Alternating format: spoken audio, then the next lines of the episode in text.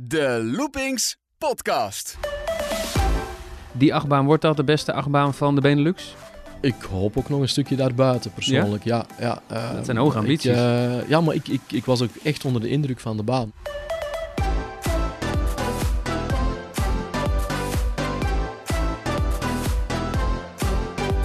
Aflevering 4 van de Loopings podcast met Steve van de Kerkhof, de directeur van de Plopsa Group. Dag Steve.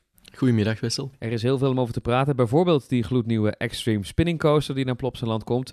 En dit is voor het eerst dat er iemand in de Loopings podcast zit die niet de directeur is van één park, maar van een heleboel parken. Ja, zoveel zijn het er nu ook nog niet, maar als ik zo de foldertjes voor jou zie liggen, dan verschiet ik toch zelf. Hè. We hebben er al zeven en volgend jaar komt er nog een aantal bij. Dus eh, ja, het wordt wel een beetje groter. Eh, ik volg je een beetje. Je bent volgens mij vier keer per week in het buitenland. Eh, of het nou eh, Polen is, of Duitsland, of Nederland. Eh, we zitten nu in de pannen in België.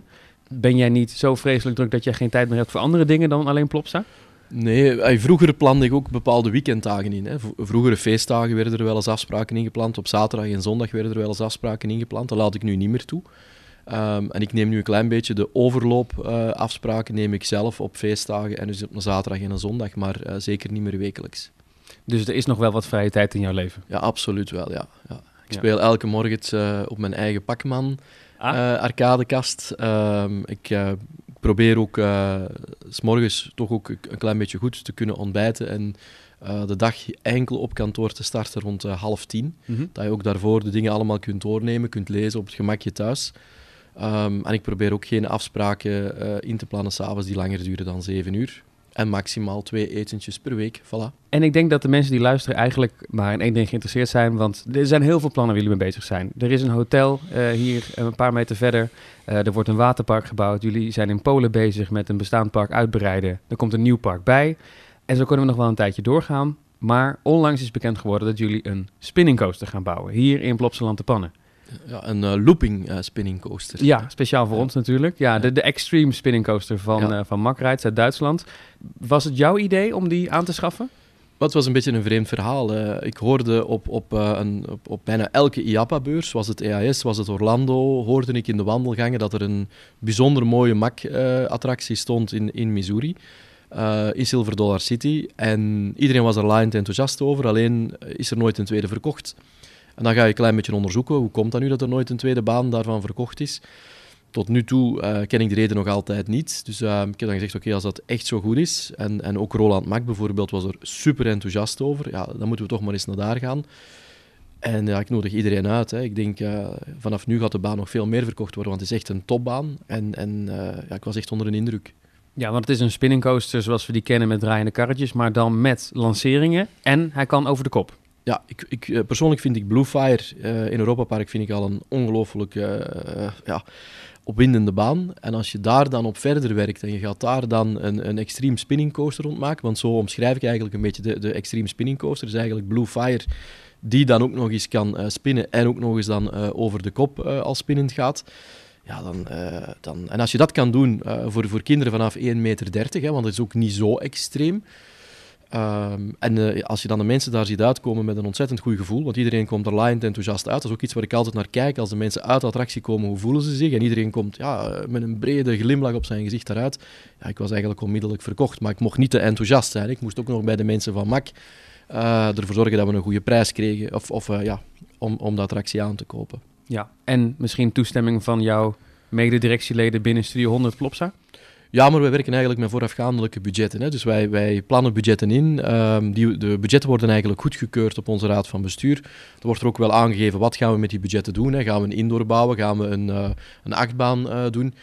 En vanaf dan is er eigenlijk toch wel een, een zekere vorm van, van vrijheid om dan te kiezen wat op dat moment het meest geschikt is voor het park. Dus jullie hadden al besloten, we willen nu weer voor binnenkort een heftige achtbaan na Anubis. Ja, en dan eh, zit- zitten er inderdaad in de presentatie van de Raad van Bestuur een aantal eh, foto's van, van acht banen aan de welke dat wij denken. En dan eh, toon ik eigenlijk van, kijk, dat zijn de dingen die we aan het kijken zijn.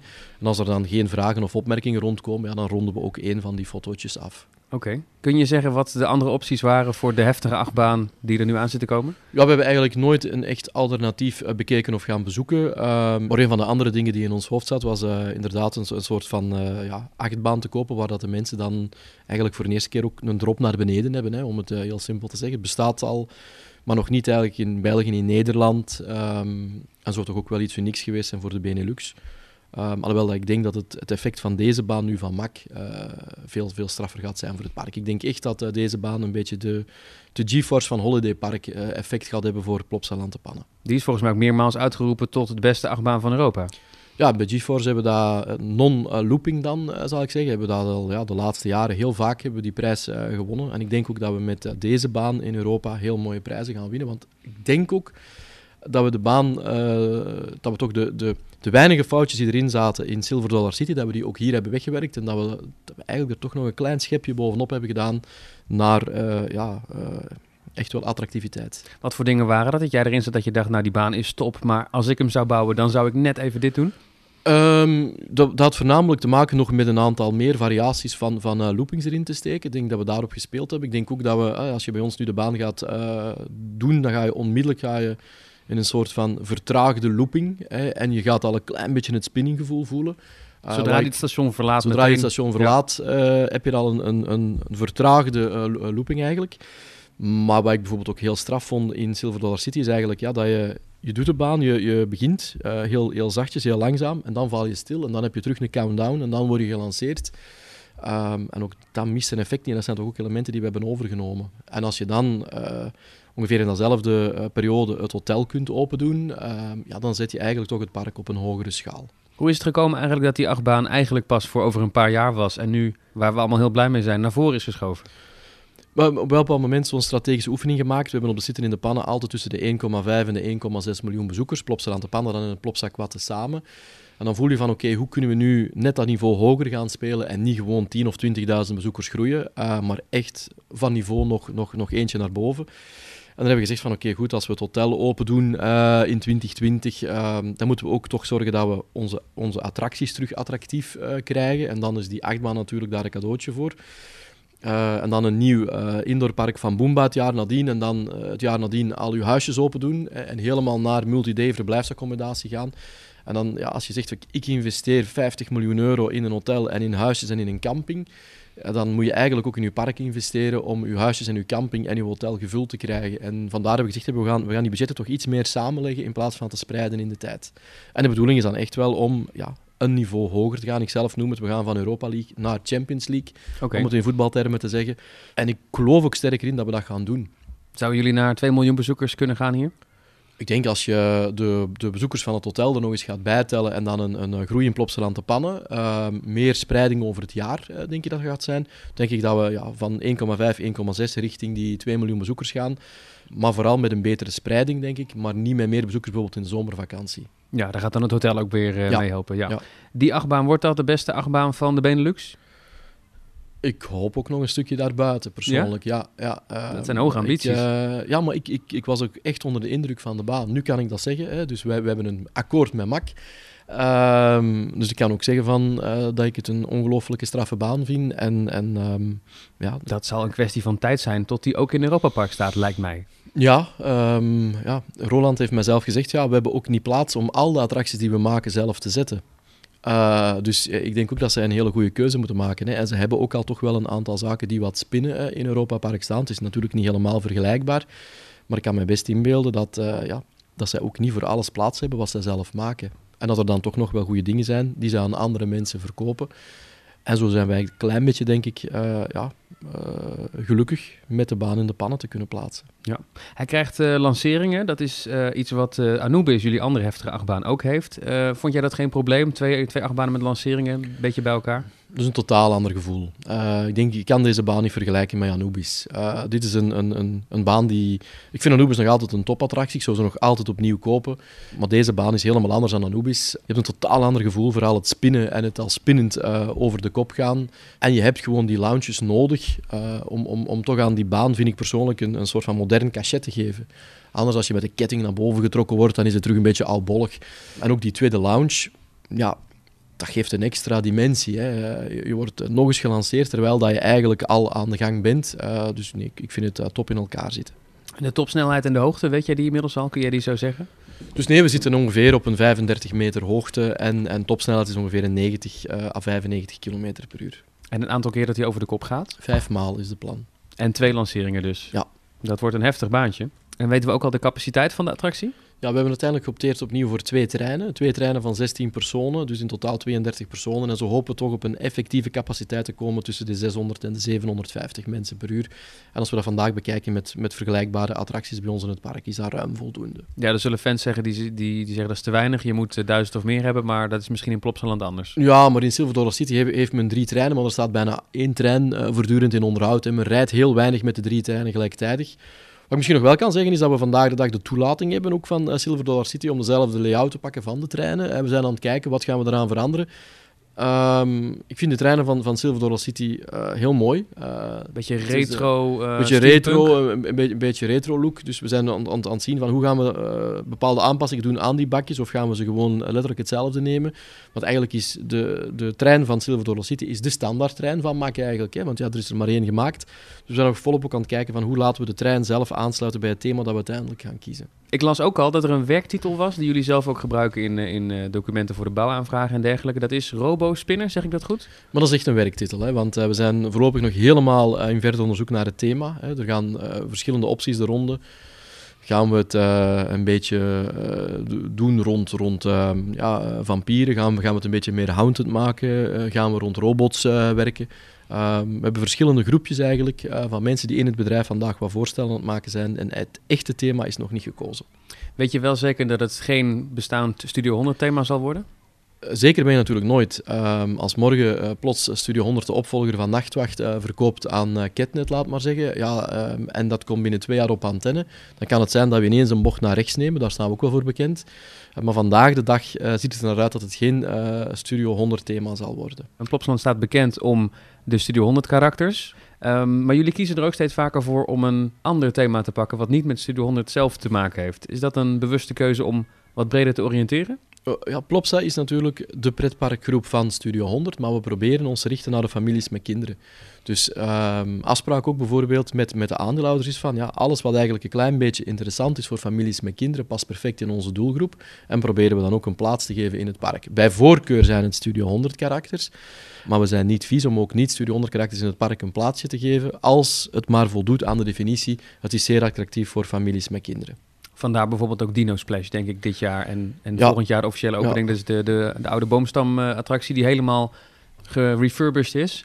Ja, we zien dat gewoon dino's ongelooflijk goed werken. Um, en natuurlijk hebben we ook wel geprobeerd om met Studio 100 een karakter te maken uh, rond uh, dino's. Maar het moet dan ook altijd nog eens uitgekozen worden door een of andere televisiezender. Dat is hier voorlopig nog niet gebeurd. Maar ik ben heel blij met de dino's in het park. Hè. Het is een heel generiek thema. Um, en we zien nu al dat de populariteit van onze oude boomstammetjes uh, versus nu de nieuwe dino splash, dat die ongelooflijk gestegen is. Hij is afgelopen zomer geopend, maar nog niet helemaal officieel, hè? Nee, de attractie moet perfect uh, draaien als ze officieel open gaat, vind ik persoonlijk. Hè. Vandaag de dag is dat nog niet zo. We zijn nog volop aan het werken, voornamelijk aan de bewegingen van de dinosaurussen zelf. Uh, verder ook nog uh, een, een, afwerking naar groen aanleggen. Er moet nog heel veel groen aangeplant worden. Dat doen we nu in de maanden uh, oktober en november. En dan nog een beetje in het voorjaar. En dan, als de attractie helemaal 100% klaar is, doen we ze dan uh, open voorjaar 2020. Is ook iets waar Plopsa aan bekend staat binnen de pretparkwereld. Een attractie al wel openen, uh, maar soms nog zonder het thema. Er zijn eigenlijk, ik ken weinig andere pretparken die dat doen. Maar ik neem aan dat bij jullie dan een afweging is. De capaciteit is zo belangrijk, je moet hem toch gebruiken. Ik vind ja, de boomstammetjes in, in uh, Plopsaland de Pannen was een zeer populaire attractie. Ik vind het dan ook heel spijtig als je dan toch ziet dat we eigenlijk de baan kunnen open doen en tegelijkertijd nog aan de afwerking kunnen verder werken. Dan vind ik dat je dat je bezoekers al moet gunnen. Ja. Voor Plopsaland de Pannen is al een heleboel bekend. Uh, je noemde net ook nog eventjes voor het jaar na de spinningcoaster uh, de Boomba indoorzone. daar zou oorspronkelijk ook een achtbaan in komen, maar ik geloof dat het nu vooral molens zijn en een dark ride. Ja, ik denk we moeten echt een zone bouwen voor de allerkleinste. Als je een zone doet voor de aller, allerkleinste, is het ook logisch dat je die indoor doet. Hè, dat je niet afhankelijk bent van uh, wel, welk weer is het. Dat is de reden dat we eigenlijk een, een, een mooi uh, indoorparkje gaan bouwen met een, een, tweetal kleinere attracties in en heel veel spelen, spelen, spelen. En dan achteraan een, een beetje een clownfestival Efteling, maar dan Boomba. En wordt dat een interactieve dark ride? We gaan hem interactief maken, maar niet interactief uh, dat, dat je zelf eigenlijk de, de interactiviteit moet geven. We gaan wel proberen dat er een, een grote interactiviteit uitgelokt wordt als je de attracties doet. Door de ogen van de kinderen. Dus eh, we, gaan, we gaan proberen Boomba zo dicht eigenlijk bij de kinderen en de ouders te brengen dat het voor hen wel overkomt als een interactieve attractie, maar we gaan niet echt uh, de mensen zelf dingen laten doen. Geen punten scoren of iets dergelijks? Nee, nee, nee. we willen echt ja, de mensen door de wereld, onze, onze bezoekers door de wereld van Boomba laten rijden. En Boomba is dus ook nog populair genoeg daarvoor? Boomba is super populair. Hè. We zien dat Boomba Boomba, K3 en Maya zijn de drie populairste karakters eigenlijk vandaag de dag in Plopsaland te pannen. En ja, we hebben een mooie zone van K3. Ehm, we hebben een hele mooie indoor van Maya. En eigenlijk hebben we nog veel te weinig van Boomba.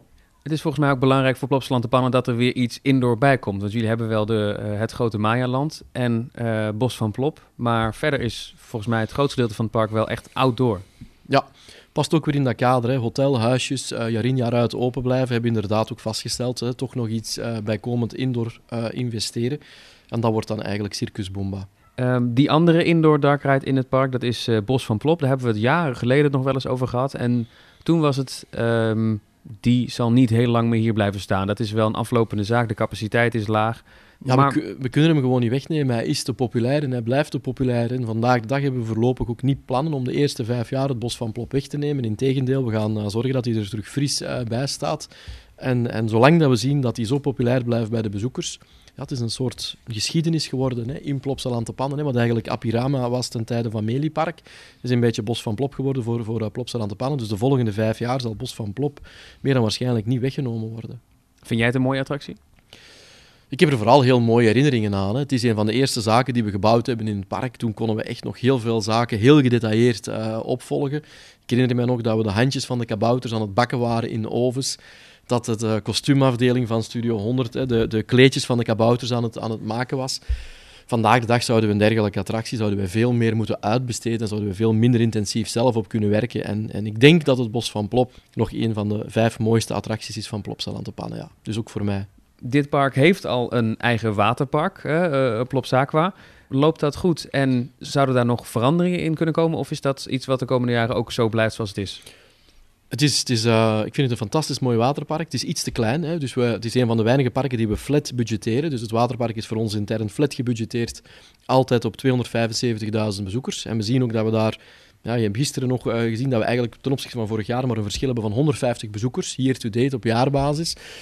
Um, ik denk dat we richting 300.000 bezoekers gaan met de hotelgasten, die dan meer s'avonds gaan zwemmen. we zijn super tevreden met het waterpark. En ik denk hotel, waterpark en theater. En dan het hele mooie uh, Fonteinenplein hier. Ik denk dat dat uh, gewoon een, een, toplocatie is. Ik heb even net een uh, rondleiding gekregen door het hotel. zoals het er nu bij staat. Dat ziet er al behoorlijk indrukwekkend uit. Ook al zijn het alleen nog maar betonnen wanden. Want je ziet wel de grootte van de kamers, de grootte van de foyer, de grootte van het gebouw. Dit is een lang gekoesterde droom hè, binnen Plopsa. Ja, het is uh, klein gestart. Initieel gingen we een hotel bouwen van 60 kamers. We hebben het dan laten meegroeien met het park. We zitten nu op een kleine 120 kamers. Met heel veel vergaderzalen, met uh, ongelooflijke grote ehm, F&B-capaciteit. En ik verschiet elke keer als ik in dat hotel rondwandel hoe groot dat het is. Ehm, ja, het is een, een, een, een megaproject voor ons. En, en het gaat ons ook gewoon ook weer dat niveau hoger brengen, denk ik. Het gaat um, een van de mooiste hotels zijn van de Benelux. Wordt het straks Plopsa Resort de pannen?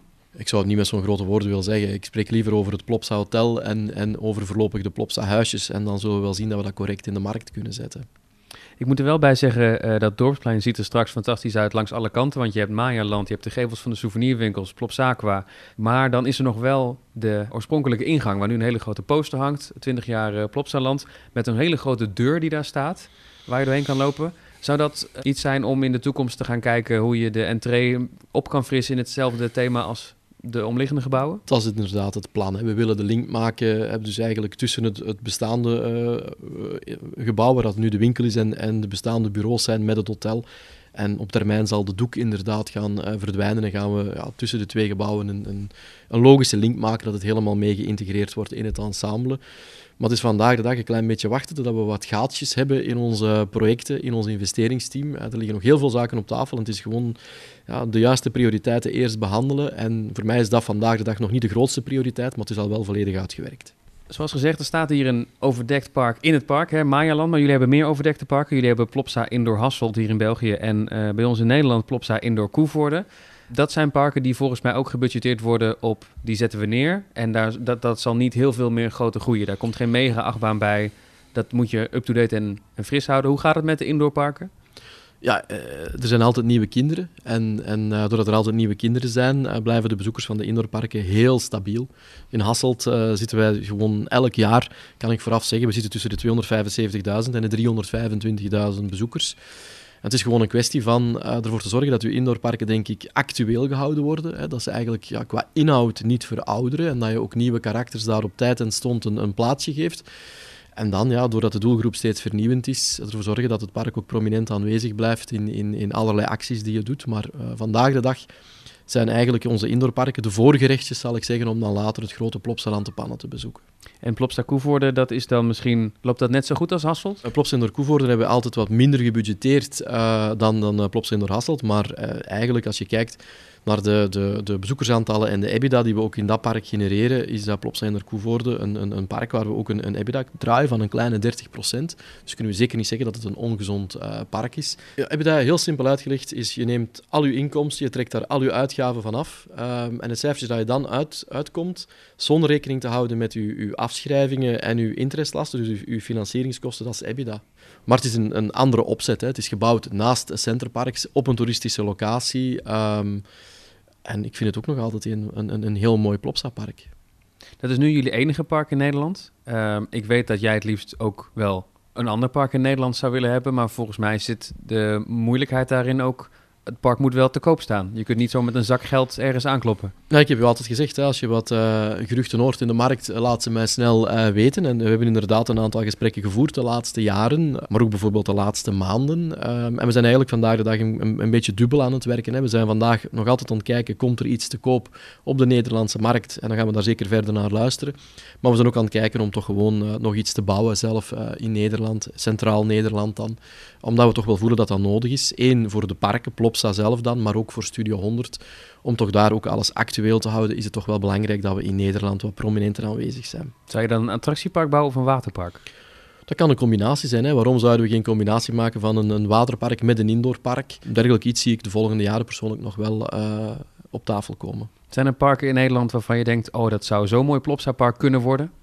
Er zijn veel parken in Nederland waarvan ik denk dat het een mooi Plopsa-park kan worden. Alleen, uh, ja, de, de, de hele kleintjes die, die, die zijn ofwel uh, verkocht of zijn voor ons uh, te klein. En, en, en degenen die eigenlijk in aanmerking komen, zijn vandaag de dag niet te koop. Dus ja, en dan stopt het. Hè, want het is ook niet zo dat we bekend staan om, om hele gekke prijzen te betalen. Niets moet. Dus we hebben tijd. En dan kom je al heel snel terug met, met Plopsa in het cirkeltje terecht van we gaan zelf iets bouwen. Ja, maar Toverland bijvoorbeeld, om maar iets te noemen. Ik denk dat de Efteling te groot is, maar Toverland zou bijvoorbeeld iets interessants kunnen zijn. Toverland is, ik vind wat, wat uh, familie Gillissen gedaan heeft in Toverland, vind ik, vind ik fantastisch. Je moet maar uh, durven om, om zo dichtbij uh, de Efteling met zo'n project te starten. Maar voor zover ik weet zal Toverland vandaag de dag ook niet te koop. Maar ik heb wel heel veel respect voor wat de familie gedaan heeft. En, en um, misschien gaan we ooit met hen wel samenwerken. Um, ik, ik, vind het persoonlijk een, een van de ja, strafste zaken die ik heb gezien de laatste jaren in, uh, in Nederland. Hè. Helemaal uit het niets uh, ook zoiets groots uh, beginnen te bouwen. Ja, en als ik een ander willekeurig park noem, zo'n avonturenpark Hellendoorn, zou dat te klein zijn voor Plopsa? Hellendoorn ligt gewoon te dicht bij Koevoorde. Ik denk dat wij gewoon iets lager in Nederland moeten zitten dan, dan Hellendoorn. Hè. Hellendoorn zou interessant zijn, moest Plopsa in de Koevoorde nog niet bestaan. Ja, en dan kom je dus ook bijvoorbeeld naar richting Duinrail Drievliet, maar ja... Dat is ook hartstikke interessant als die te koop zouden staan. Ja, maar voor, voor zover ik weet staat geen een van beide te koop. Nou, mocht een luisteraar wat weten, dan uh, kunnen ze contact opnemen. Dan, uh, ja, we, het, uh... we, betalen een hele leuke commissie, ja. Nou, tot zover de indoorparken. Maar er is nog een park in België. Dat is Plopsa Co. Het is een beetje een atypisch pretpark, denk ik. Want het is ook vooral een natuurpark. We kennen de watervallen van Co. Dat hebben jullie overgenomen. Mijn beeld van Plopsaco is dat eigenlijk onze eerste cirkel is rond. We hebben uh, in 2005, 2006 een sterk verouderd uh, Teleco overgenomen. Ik denk dat we het park helemaal hebben omgebouwd uh, tot een volwaardig, mooi en kwalitatief Plopsa-park. En dat we nu, net zoals in Plopsaland de Pannen, waar we blijven steken op die anderhalf miljoen, 1,6 miljoen mensen, dat we in, in Plopsaco ook voortdurend blijven steken tussen die 250.000 en die 300.000 bezoekers. En daar hebben we dan een hele mooie grote strategische oefening gedaan en dan toch voor onszelf gezegd van kijk goed, we doen nu vandaag de dag veel te veel van onze omzet op zes weken in juli en augustus. Uh, we missen voornamelijk indoor uh, accommodatie. Ehm, we missen uh, hoofdzakelijk zaken die te maken hebben met water. Want dat zijn de attracties die het best werken in Plopsaco. We vinden van onszelf dat we toch nog iets meer waterattracties zouden kunnen plaatsen. En het derde aspect dan is ook dat we dan zeggen, oké, als je dan wat water toevoegt, als je wat indoor toevoegt, we hebben in België maar één waterval. Het zou fantastisch leuk zijn om eigenlijk ook daar dan te kunnen slapen met zicht op de waterval aan de ene kant en aan de andere kant op het stuwmeer. Ik denk als je vandaag een shortlist maakt en je zegt van oké, waar in Wallonië is een van de mooiste plaatsen om een hotel te bouwen, uh, dan denk ik dat zeker in die top 5 uh, eh, ja, de watervallen van Koos staan. Het is, een, het is een, heel mooi uitzicht dat je hebt, volledig geïntegreerd in het groen. Dus vandaar ook dat we eigenlijk aan die drie projecten aan het werken zijn. Indoor, iets doen met water en proberen ook op die locatie mensen te laten slapen. Dat zijn projecten die we uh, vandaag de dag aan het voorbespreken zijn met de autoriteiten om te kijken of dat we daar de nodige vergunningen voor kunnen bekomen. Wanneer hoop jij een van de eerste drie projecten? Uh, water uh, is toch een project dat we gaan uitwerken, wat we vandaag de dag aan het uitwerken zijn en wat ik heel graag zou open doen in 2021. En dan zijn we tegelijkertijd zijn we het project Indoor en Hotel, dat gaan we gecombineerd bekijken, zijn we ook gecombineerd aan het voorbereiden. En ik hoop toch daar um, beweging op de site te kunnen zien van uh, 2022, 2023, om dan toch iets te kunnen open doen 2024, 2025. Ons, ons restaurant, La Cascade, uh, te vervangen door een nieuw restaurant. Um, met daar dan een indoor speeltuin, uh, mini uh, indoor attractieparkje achter en daarbovenop dan proberen uh, plaats te maken om mensen te laten slapen. En als dat niet lukt, dan gaan we kijken op welke andere locatie dat we het wel kunnen doen. Voor mij is het gewoon belangrijk dat we het businessmodel van, van Plopsa Indoor, Outdoor, Waterpark en uh, Multi-Day, dat we dat ook gaan uitrollen op de site in Co. Um, omdat we echt wel wat groter moeten worden. Persoonlijk denk ik dat parken die niet volledig indoor zijn, maar die dus outdoor zijn en die op termijn geen 500.000 bezoekers hebben, dat die verdwijnen. Ja, dus uh, ik denk in dat het onze, algemeen, in, in het algemeen, ik denk ja. dat onze markt zo aan het consolideren is dat je een standalone indoorpark of een standalone uh, waterpark dat dat uh, perfect kan overleven, omdat dat meer ja, een, een, een kleinere um, bezoekersaantal nodig heeft. Maar outdoorparken zijn uh, zo um, kapitaalsintensief dat ik denk dat binnen 10 jaar, binnen 15 jaar, als je geen 500.000 bezoekers hebt, dat je er gewoon niet meer zal zijn. Dus als wij kijken naar de Benelux, de parken die daar zijn, die nu onder de 500.000 bezoekers per jaar zitten, die moeten zich wel een beetje zorgen gaan maken. Dat is mijn persoonlijke mening natuurlijk. Hè. Misschien moeten we het knipperlichtje niet zetten op 500.000, misschien staat het knipperlichtje op 350.000, maar ik denk dat er gewoon in de markt een consolidatie aan de gang is dat de allerkleinste gaan verdwijnen. En ik denk dat er al een heleboel allerkleinste verdwenen zijn hè, de laatste jaren. En ik denk dat die lat altijd zal stijgen. Hè. Nu verdwijnen de parkjes bijvoorbeeld die geen 100.000 bezoekers hebben. Binnen x aantal jaar de parkjes die geen 150 hebben. En persoonlijk denk ik dat die lat altijd wat hoger zal komen. Heb je de plattegrond liggen van Plopsaco? Kun jij aanwijzen waar jij dan uitbreidingsmogelijkheden ziet? Of is dat eigenlijk overal? Overal. In Co hebben we eigenlijk nog een, een dead end in het park. Hè. Dus uh, je, je, wandelt het park in en uh, je loopt op niks. Hè. Dus we moeten eigenlijk nog een volledige lus gaan maken. Hè. Dus nog nieuwe wegen aanleggen. En er toch voor gaan zorgen dat de mensen ook ja, echt in een, in een cirkel kunnen wandelen in het park. we weten ook allemaal dat we achteraan in het park nog een labyrinthattractie gezet hebben. Persoonlijk uh, was dat een paar jaar geleden gebouwd. Hè. Dat we zoiets van, ja, we gaan een labyrinthattractie bouwen voor maximum uh, één, twee seizoenen. Ik denk dat ze nu al meer dan tien jaar staat. Dat is eigenlijk ook niet meer van deze tijd. Dus uh, ik denk dat we ook die locatie mee gaan integreren in onze uitbreidingsplannen als we spreken over water. Vandaag de dag heeft Co bezoekers op zes weken juli en augustus zitten we 60, 65 procent van onze omzet. En alles daarbuiten is het eigenlijk ja, vrij kalm omdat wanneer dat het gewoon regent of koud is, ja, de mensen niet naar Co afzakken, omdat er ja, buiten een aantal restaurants en een winkel eigenlijk niks indoor te beleven valt. We praten nu over, over een paar jaar. Voor volgend jaar nog iets voor Plopsaco? Ja, hebben we eigenlijk uh, de Windstars-attractie van Zamperla, wat ik een zeer vernieuwende attractie vind. Uh, we hebben die nu in ons park in Duitsland staan, in Holiday Park. Uh, Mia en Me gethematiseerd. Het is een soort de... fietsmolen XXL, geloof ik. ja, maar waar dat je ja, totaal ander gevoel van beleving hebt. Um, en we hebben gezien dat die attractie super populair is in Holiday Park, maar echt super populair is. En uh, dat we daar echt wel ongelooflijke mooie kritieken op krijgen. En dat heeft ons ertoe geleid om toch te zeggen van om die attractie toch ook in, in uh, België onder te brengen. En ik vind persoonlijk dat ze het meest past in het park in Co.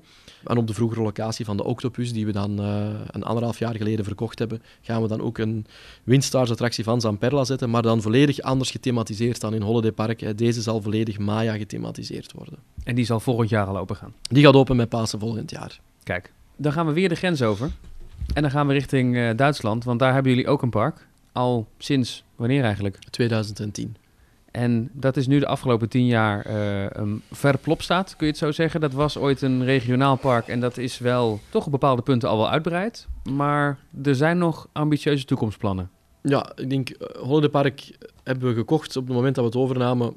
We weten niet exact hoeveel bezoekers dat er waren, maar persoonlijk denk ik een 400.000. Het park was totaal verouderd. Ik denk als je kijkt waar we ongeveer tien jaar later staan, uh, zijn we in onze ja, veranderingen ongeveer 60, 65 procent weg. Valt er nog 35 procent uh, te doen. Dat is ook de reden dat we massaal blijven verder investeren in het park, omdat we ook zien dat de investeringen die we doen, dat die ook werken. Ik moet wel even tussendoor zeggen, je wist niet hoeveel bezoekers er kwamen, maar dat is dan dat de vorige eigenaar daar niet helemaal open eerlijk wellicht over was. Dat gebeurt heel vaak, hè, wanneer dat je parken koopt van familiale eigenaars, dat je eigenlijk niet weet hoeveel bezoekers dat er exact komen en ook niemand van het management weet het dan. En dan wordt er gezegd van ja, ik heb ooit 1 miljoen bezoekers gehad of ik heb ooit anderhalf miljoen bezoekers gehad. Um, maar als je gewoon kijkt naar die omzet, als je ook gewoon kijkt naar het aantal parkeerplaatsen, dan kan je daar wel uh, schattingen van maken. Vandaar dat ik zeg, als ik de omzet bekijk, dan denk ik dat Holiday Park, op het moment dat wij het kochten, een 400.000, een 450.000 bezoekers had. Vandaag de dag zitten we ongeveer op een 650.000 bezoekers denk ik dat we het park heel mooi verbouwd hebben, heel mooi toevoeging gegeven hebben. Um, vooral voor de families met kinderen, maar aan de andere kant ook, hebben we toch ook een skyscream gebouwd, hè, wat, wat, wat, wat voor de ouderen. Dan denk ik dat we een gezonde mix aan het maken zijn van uh, aan te pannen. Uh, enerzijds en anderzijds toch een klein beetje uh, oh, walibi. Waar we zeggen van we gaan helemaal niet ons alleen focussen op de families met de kinderen. GeForce staat er namelijk.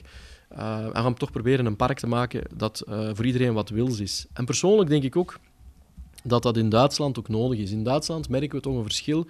In, in uh, Plopsland de Pannen zie je vaak dat de ouders naar uh, de pannen komen en dat, dat ze vooral uh, hun kinderen willen zien genieten. In Duitsland zie je dat ja, de Duitsers naar een park komen met hun kinderen en ze willen hebben dat hun kinderen genieten, maar ze willen zelf ook nog genieten. Dat is toch iets dat we vaststellen dat dat ja, verschillend is. Dus ik denk de mix die we aan het zijn in Holiday Park, dan is iets doen voor de families met de kinderen, dan is iets doen voor iedereen en dan is iets doen voor de tieners. Uh, ik denk dat het de beste strategie is. En ook weer met een hotel uiteindelijk, dat is het plan. Dat is de doelstelling. Uh, ik denk als je de top 10 van de Duitse pretparken bekijkt, uh, staan wij er ergens in, plaats 7, 8 of 9. En is er eigenlijk maar één ander park dat geen eigen hotel heeft. En dus ja, als je dan gewoon logisch nadenkt, als er 8 van de 10 al eigen accommodatie hebben, ja, dan moet je natuurlijk ook die eigen accommodatie bouwen. Zou dat dan groter worden dan het hotel hier in de pannen? Dat weet ik niet. Ik denk als je kijkt wat uh, Europa Park gedaan heeft, hè, dat is ook iets wat organisch groeit. Hè. Uh, wij gaan beginnen met één hotel uh, in Duitsland. En vandaag de dag is dat hotel ongeveer een 80 kamers groot. Maar we kennen Plopsa. Over drie jaar is het in één keer 150 kamers groot. Het zal afhangen hoe snel het, het park blijft groeien. Als het park snel groeit, kan het misschien 100 kamers worden of 120 kamers worden. Dat is heel moeilijk te zeggen. En dat is niet de enige investering, want jullie hebben al aangekondigd dat daar ook een vergelijkbare opknapbeurt voor de Rapid River daar komt, zoals die hier in de pan is geweest voor de boomstambaan. Uh, die heeft hier een dino-thema gekregen, dat zal daar ook het geval zijn. Ja, uh, dus naast de opknapbeurten, zoals jij dat noemt, maar ik noem dat eigenlijk, ja, uh, opknapbeurt vind ik een, een, raar woord, want de opknapbeurt in Plopsa aan de Pan heeft 5 miljoen euro gekost. Ja, ik ken nieuwe attracties die minder zijn dan één opknapbeurt ja, natuurlijk. Ik, ja. ik moet zeggen, de, de, de, de, de boomstammetjes in de pannen, 5 miljoen euro als je het resultaat ziet, begrijp je het. Maar als je zegt opknapbeurt van 5 miljoen euro, ja, dan, dan ben je iets meer aan het doen, denk ik, dan het opknappen. En dat gaan we ook wel proberen in, in, in de Donnersvloes-attractie. We hebben gewoon gezegd van, kijk, we willen de attractie nu in een volledig nieuw kleedje zetten. Het gaat dino gethematiseerd zijn. En we zouden heel gemakkelijk wat dino's kunnen bijplaatsen in het bestaande groen, maar we gaan quasi al het bestaande groen uh, wegnemen. We gaan al het bestaande uh, rotswerk wegnemen. We gaan alle tunnels die er zijn wegnemen. We gaan het stationnetje wegnemen. We gaan de wachtrijen uh, volledig herdoen. En ik ben ervan overtuigd dat we toch ook wel uh, terug een bedrag gaan kwijt zijn tussen de 2,5 en de 3,5 miljoen euro om de attractie terug klaar te zetten voor, voor de volgende 10 jaar. En daarnaast uh, beginnen we dan ook de bouw aan een uh, volledige nieuwe uh, Viki-zone. die komt op de plaats van het huidige verkeerspark en alles wat daar rond staat, die dan aansluit met de bestaande Viki-zone. Dat zijn toch pittige investeringen voor, voor één van de parken. Ja, omdat we ook wel zien dat het uh, loont. Hè. Dus eigenlijk uh, van vandaag de dag zie je toch telkens malen dat, dat je een investering doet in een holidaypark, dat de bezoekersaantallen stijgen, um, dat ook de resultaten gelijkmatig mee naar boven gaan. Um, en dus dat spel van uh, investeren, um, exploiteren, investeren, exploiteren, dat we, dat we blijven doen. En we zullen wel zien waar dat de groei van Holiday Park stopt. Ik kan vandaag niet zeggen, is dat 750.000 bezoekers of is dat 1 miljoen bezoekers? Of wordt misschien Holiday Park ooit groter als, als Plopsa aan te pannen? Um, het is moeilijk om, om uh, te zeggen vandaag. Maar de mogelijkheden zijn er? mogelijkheden zijn zeker aanwezig en we gaan ook niet stoppen met investeren zolang dat we zien dat de bezoekersaantallen blijven stijgen. En blijft het wat jou betreft bij één park in Duitsland? Is dat voor nu even genoeg?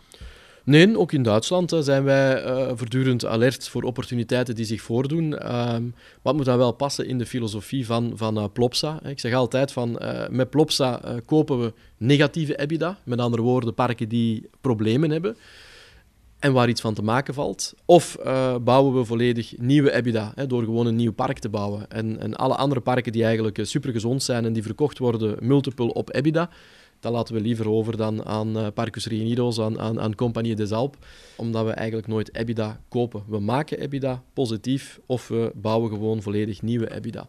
En dus als we naar in Duitsland kijken wat er op de markt komt, moet het wel passen in het plaatje van hebben we iets waar dat er wat problemen zijn en waarin dat we zo sterk geloven dat we iets copy-paste holiday park kunnen doen. Nou, dan hebben we Nederland, België, Duitsland. En toen dachten jullie bij Plopsa, nou, kan nog wel een land bij. Uh, en nu zit Plopsa ook in Polen al een tijdje, maar er zijn plannen voor een tweede park in, in Polen. Um, hoe is dat zo gelopen? Want jullie hebben eigenlijk ontdekt dat Polen een hele interessante markt is. Wel, dat was een beetje anders stellen. We kregen eigenlijk uh, van over heel de wereld aanvragen om iets te doen met bepaalde karakters van Studio 100 of om een bepaalde know-how ter beschikking te stellen. We hadden dat natuurlijk ook een klein beetje uitgelokt op de markt. We hadden een aantal keer aanwezig geweest op de EAS en op de Japa-beurs in Orlando om eigenlijk onze karaktertjes voor te stellen. En dan heb je eigenlijk twee mogelijkheden. Ofwel zeg je, ik wil zoveel mogelijk plaatsen over heel de wereld open doen en ik ga er gewoon voor zorgen dat elke plaats mij per jaar 25.000 euro bijvoorbeeld betaalt. En dan heb je geen echt vat op, op het kwalitatieve aspect uh, meer. Hè. Dan, dan zeg je gewoon, oké, okay, bouw maar een Maya-land. En uh, laat maar me weten als het open is en ik stuur een factuurtje in China. Of, uh, ja.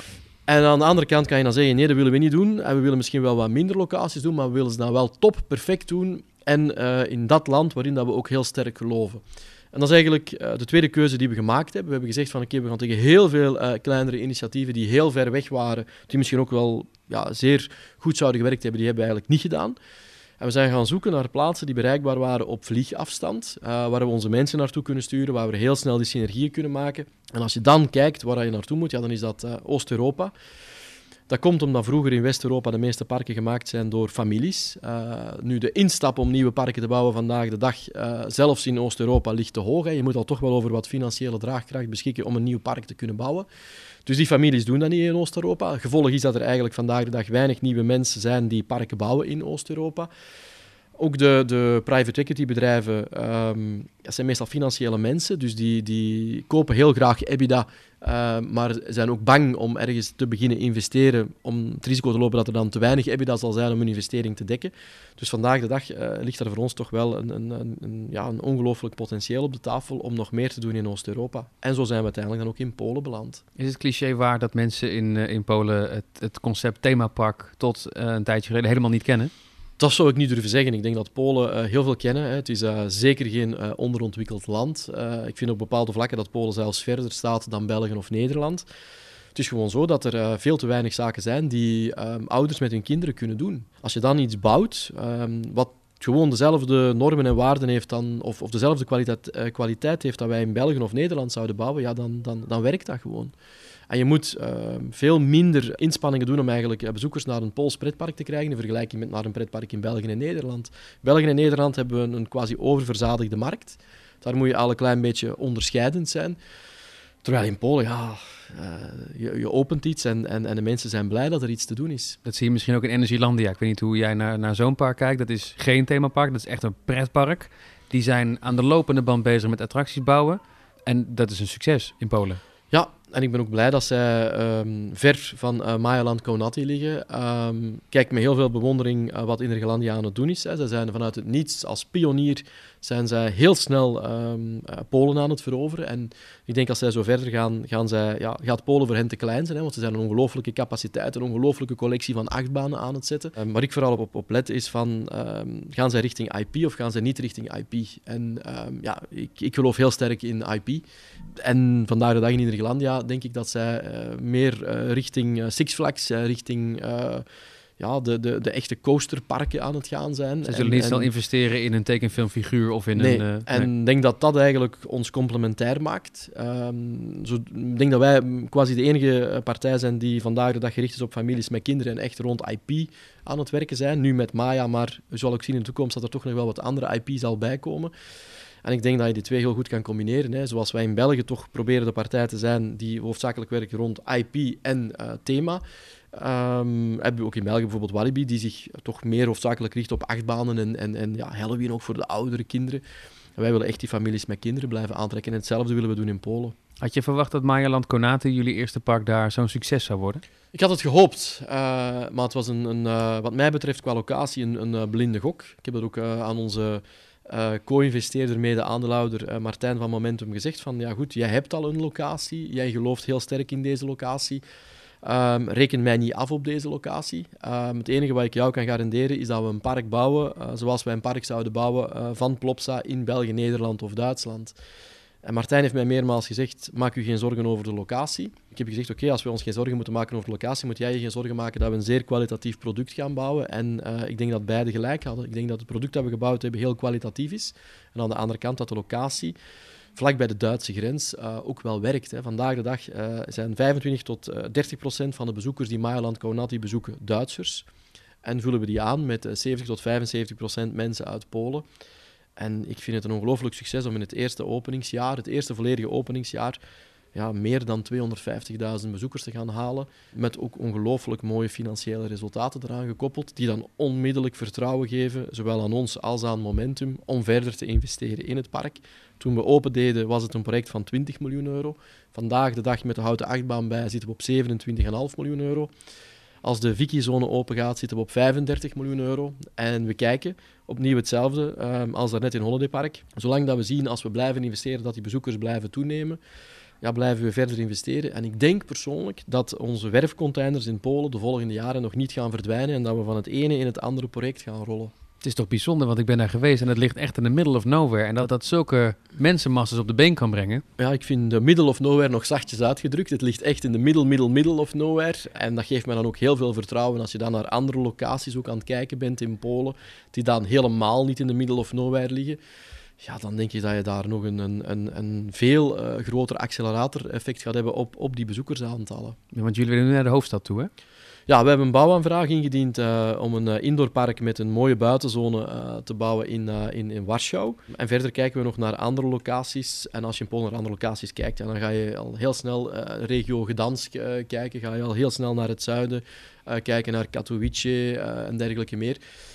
Maar vandaag de dag is het echt wel onze ambitie om het, het tweede park in Polen te openen in Warschau. Maar zijn we tegelijkertijd, bouwaanvraag is ingediend, dus eigenlijk eerste gedeelte is gedaan, zijn we al aan het kijken ook naar andere locaties om ook daar bouwaanvragen te kunnen indienen. Om zo toch een, een nationale speler te worden in Polen. Maar waar Innergilandia dan probeert om iedereen naar eenzelfde locatie te halen, gaan wij dan toch proberen een hele mooie ruit in gans Polen te kunnen tekenen, waar we één groot buitenpark hebben, met daarnaast dan een aantal uh, mooie uh, indoorparken rondgebouwd.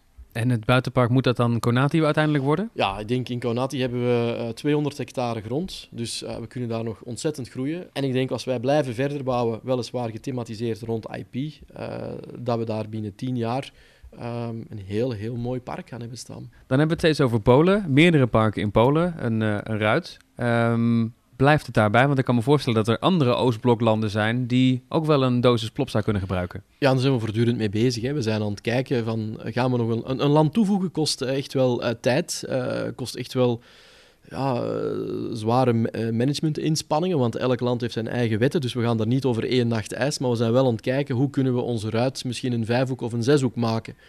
En uh, dan moet je maar kijken welke landen er uh, rond Polen liggen. En, en ik denk dat we daar gaan toch proberen een iets andere vorm aan die ruit uh, te geven op termijn. Dat moet wel de bedoeling zijn. Dus dat gaan we in de komende maanden wellicht nog daar iets over horen? Wel, als je er niks over hoort, dat betekent dat we uiteindelijk dat alles wat er op tafel ligt niet doorgaat. Als je er wel iets over hoort, betekent dat het doorgaat. Hè?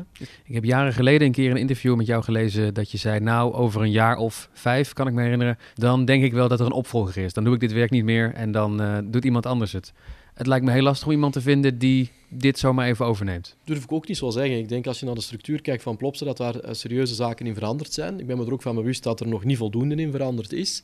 Maar ik denk toch dat we al op een andere manier werken dan drie jaar geleden, op een totaal andere manier werken dan tien jaar geleden. Ik ben er ook van overtuigd dat we binnen drie en binnen vijf jaar weer op een andere manier uh, aan het werken zijn. En het is eigenlijk heel simpel hoor. Uh, is een ene gouden regel. Hè. Vanaf het moment dat je voelt dat je uh, op een bepaalde afdeling een directeur hebt die het vrij zelfstandig kan laten draaien, waarin dat je 100% vertrouwen kan hebben, dan laat je hem eigenlijk min, of meer zijn ding doen. En probeer je te kijken wat uh, kan ik nog bij hem of haar bijsteken. En tegelijkertijd ben je dan voortdurend bezig om, om in andere afdelingen bepaalde andere werkpunten te verbeteren, zodoende dat zij ook op dezelfde manier kunnen gaan werken. Dus jij kan nog wel even door bij Plopsa? Ja, eh, dat is, ook, dat ook denk ik toch nog voor de volgende jaar. Ik zeg altijd aan Hans en Gert, uh, elk project dat ik opstart, zal ik ook afmaken. Want dat denk ik is het, het, het, het, het meest moeilijke. Hè. Je, je begint onderhandelingen te voeren met een bepaalde stad om op een bepaalde locatie iets te doen. Um, en ik vind als je buiten gaat, dan moet je afwerken waar je begonnen bent. Um, en dat is eigenlijk de afspraak die ik heb met Hans en Gert. Dus alles wat er opgestart wordt, zal ik ook afwerken. En misschien op een wel bepaald moment zal ik zeggen, nu gaan we geen nieuwe zaken meer opstarten. En moet er iemand anders maar nieuwe zaken gaan opstarten. Maar uh, dat moment is voorlopig vandaag de dag nog niet aan de orde. Gelukkig. Ja, sommige mensen zitten er misschien op te wachten. Andere mensen zeggen gelukkig, ik weet het niet, Wessel. En nog anderhalf jaar voor een ritje in de spinningcoaster? Ja, maar ik denk dat dat heel snel is. Hè. Als je gaat kijken wat we de volgende uh, dagen, uh, weken en maanden gaan doen in het park, dan zal je al heel duidelijk zien als je volgend jaar met Pasen het park bezoekt, waar dat die reuze achtbaan gaat komen. Want de gaten in het park, de, de funderingen, zij zullen er reeds zijn. Um, anders kunnen wij nooit Pasen daarop, hè. dus um, ja, Pasen 2021, die, die baan open doen. Dus we gaan er volop aan werken. Ik ben benieuwd. Ja, ik ben zelf ook heel benieuwd. Um, maar ik heb er een ongelooflijk strafgevoel bij. En ik denk, uh, Plopsaland de Pannen, Holiday Park heeft zijn GeForce, Plopsaland de Pannen gaat zijn Extreme Spinning Coaster hebben. En het gaat ons echt Champions League maken. Steve, bedankt voor het gesprek. Heel graag gedaan. En jij bedankt voor het luisteren naar aflevering 4 van de Loopings podcast. Nieuwe afleveringen verschijnen steeds op de eerste dag van de maand. Je kunt je gratis abonneren via de verschillende podcast apps, dan blijf je automatisch op de hoogte. Wij spreken elkaar weer op 1 december.